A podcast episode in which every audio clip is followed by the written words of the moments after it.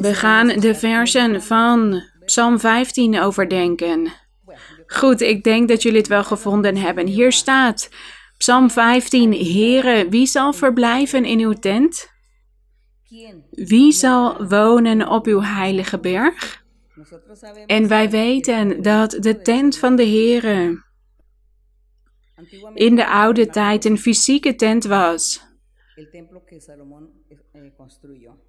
Die Salomo had gebouwd, de tempel. En de heilige berg. Dat was ook een fysieke berg waar koning David een stad op had gebouwd. De stad van David werd hij ook wel genoemd. Daar in Jeruzalem had hij een stad gebouwd op die heilige berg. En daar stond ook de tempel van Salomo en daarom was het ook de heilige berg. Want God had Salomo opgedragen om die tempel te bouwen en hij zou daar in wonen. God zou daarin verblijven. En in die tijd mocht de hoge priester één keer per jaar naar binnen. In die tent, in die tempel, op de heilige berg, om met God te spreken en om vergeving te vragen voor het volk. Maar als die hoge priester zelf in zonde leefde, dan zou hij meteen overlijden als hij het heilige der heiligen binnen zou gaan. En dat was dus de tent op de heilige berg in die stad die David had gebouwd. Goed, die tent en die heilige berg, dat is een symbool, dat was een symbool voor de toekomst. Want het zou in de toekomst de kerk van de Heer Jezus Christus worden. De tent, de tabernakel, is de kerk van Christus. En dat is het hart van mannen en vrouwen die God zoeken.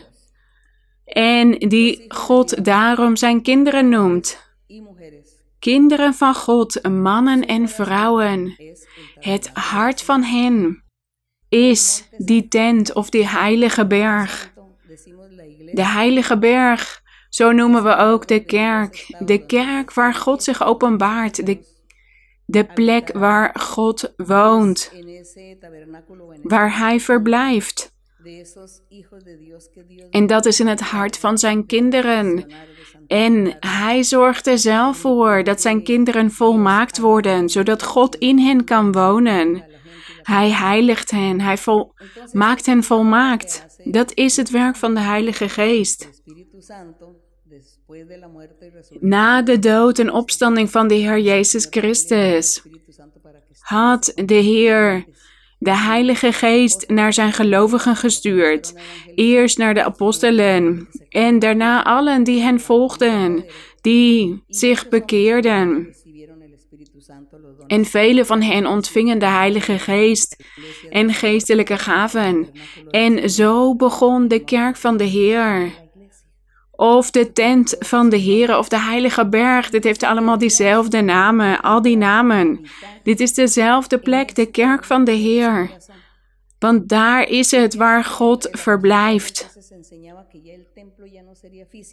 En de tempel is nu niet meer fysiek, zoals in de tijd van Salomo. Maar nu is het het hart van de persoon die zich werkelijk bekeert tot God, die werkelijk een kind van God wordt. Die wordt een tent voor God, een woning. God heeft dit toegestaan en wij zeggen wellicht, ja, dit is onmogelijk. Maar God kan alles doen. Hij kan ons volmaakt maken en hij kan ons heiligen. En hij kan van ons zijn tent maken, zijn heilige berg. En de psalmist die vroeg hier aan de Heere, wie zal verblijven in uw tent? Wie zal wonen op uw heilige berg? En het antwoord staat hier vers 2. Hij die oprecht wandelt en gerechtigheid beoefent, die met zijn hart de waarheid spreekt. De waarheid, de waarheid van God. Dus hij spreekt geen valse geloofsleer, Hij spreekt de waarheid van God, de ware weg. Hij onderwijst de mensen de ware weg die zij moeten begaan om God te vinden. Die persoon verdient het om tent van God te worden, tabernakel of de heilige berg. Die mag bij de kerk van de Heer horen. Dus hij moet oprecht wandelen en gerechtigheid beoefenen. Dus hij moet rechtvaardig zijn. En wat betekent dit? Dat hij niet op een constante manier zondigt. Want ja, wij hebben wellicht allemaal wel eens een keer iets slechts gedaan. En voordat we God leerden kennen, leefden wij wellicht slecht. Maar toen wij de Heer leerden kennen, kwamen we tot inkeer. We hebben ons bekeerd en wij zijn nu niet meer constant aan het zondigen. Wat is een constant, wat is constant zondigen? Bijvoorbeeld een dief. Een dief is altijd aan het stelen. Dat is zijn baan of zijn werk. Dat is wat hij elke dag doet. Of een dronkaard, die, iemand die altijd dronken is en vecht en ruzie maakt. Die doet dit elke dag of zo vaak. Of een drugsverslaafde, die leeft constant op die manier. Of iemand die mensen ontvoert, een ontvoerder. Die leeft in die constante zonde, omdat hij constant daarmee bezig is met mensen ontvoeren. En God heeft die constante zonde uit ons weggehaald. En Hij is het die ervoor zorgt dat wij volmaakt kunnen worden.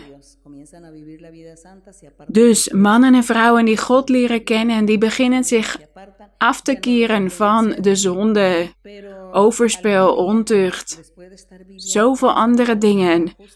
En ze beginnen goed te leven, een rechtvaardig leven te leiden. Afgekeerd van de zonde. Maar het kan zijn dat de duivel een val voor die persoon uitzet. Dat hij dat de duivel ervoor zorgt dat die persoon toch nog valt in een bepaalde zonde. Dat die persoon dan toch nog weer een fout begaat. Maar die persoon komt dan snel. Die heeft hier snel berouw van en die gaat hier niet in door. Zodat de Heer hem niet gaat straffen, want God straft ons als wij zondigen omdat Hij wil dat we weer op de rechte weg gaan lopen. Dus dan gaan wij weer goede dingen doen in ons leven. Dan gaan wij die zonde niet nog een keer begaan. En dat is dus wat hier staat. Hij die oprecht wandelt en gerechtigheid beoefent, die is dus niet op een constante manier in zonde aan het leven.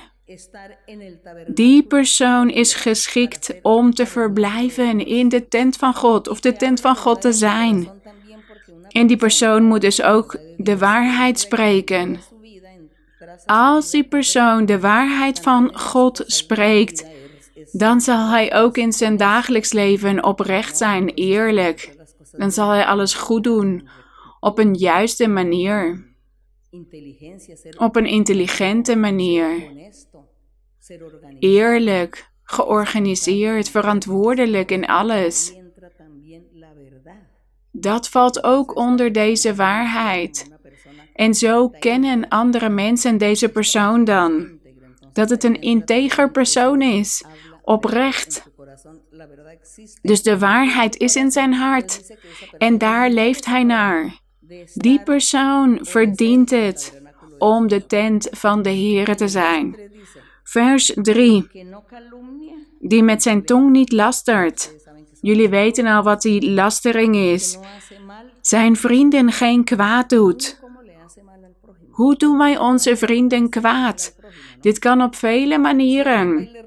Als wij van iemand iets stelen, dan doen wij hem kwaad. Als wij iemand beledigen, dan doen wij iemand kwaad. Als wij jaloers op iemand zijn, dan doen wij die persoon kwaad.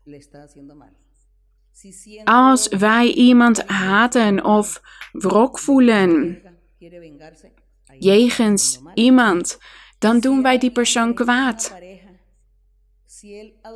Als iemand overspel pleegt, de man of de vrouw, dan doet hij zijn partner kwaad. Degene die in ontucht leeft, die doet ook zijn vrienden of mensen om zich heen kwaad.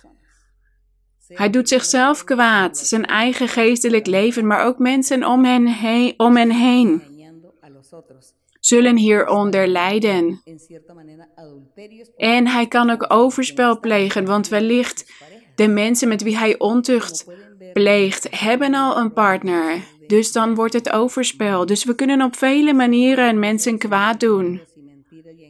Als wij tegen iemand liegen of als we iemand bedriegen, dan doen we die persoon kwaad. En we kunnen het hebben over mensen in ons huis, familieleden, vrienden, bekenden, studiegenoten, collega's. Dat zijn allemaal mensen die dichtbij ons zijn. En wij mogen hen geen kwaad doen. Liegen, bedriegen. Goed. Al die dingen, dat betekent dat wij iemand kwaad doen. Als wij die dingen doen.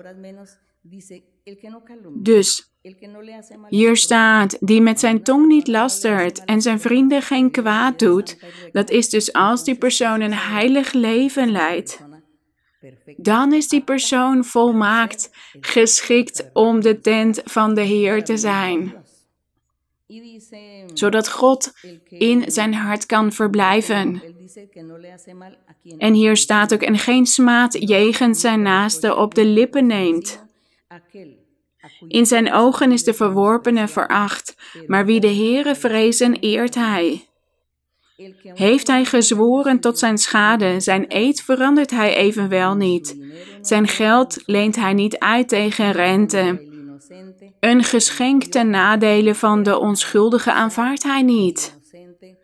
Dus hij neemt geen geschenken aan om iemand onschuldig aan te klagen. Of als iemand aangeklaagd wordt en wij weten dat het niet waar is, dat we die persoon dan niet helpen. Of geld uitlenen tegen rente. Hier gaat het over die woekerrente. Dat wij geld uitlenen aan andere mensen tegen een hele hoge rente. Op een oneerlijke manier. En dat we dan om een onderpand vragen. En dat die persoon het dan niet kan betalen, terugbetalen. En dat we al zijn bezittingen afnemen. Daar gaat het hier over. En in de laatste zin staat: wie deze dingen doet. Dus wie alle goede dingen doet en niet al die slechte dingen doet, die zal niet wankelen voor eeuwig.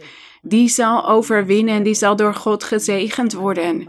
Die zal geliefd zijn bij de mensen en bij de maatschappij. Iedereen wil bij die persoon zijn. Iedereen wil hem werk geven, studie geven. Dicht bij hem zijn. Kijk, dat zijn al die weldaden. Als wij de dingen goed doen. En dit doen wij. Dit kunnen wij doen met de hulp van onze God. Alleen met de hulp van onze God. Maar wat moet God in ons zien? Dat verlangen om te veranderen. Het verlangen om rechtvaardig te zijn, om het goede te doen. Als God het verlangen in ons ziet, die wens, dan zal Hij ons helpen. Dan zal Hij ons veranderen. En dan zal Hij van ons zijn tent maken, zijn tempel. Zijn huis, wat prachtig. Dat ons hart een woning voor God is. Die heilige berg, die ooit fysiek was geweest in de oude tijd. Goed.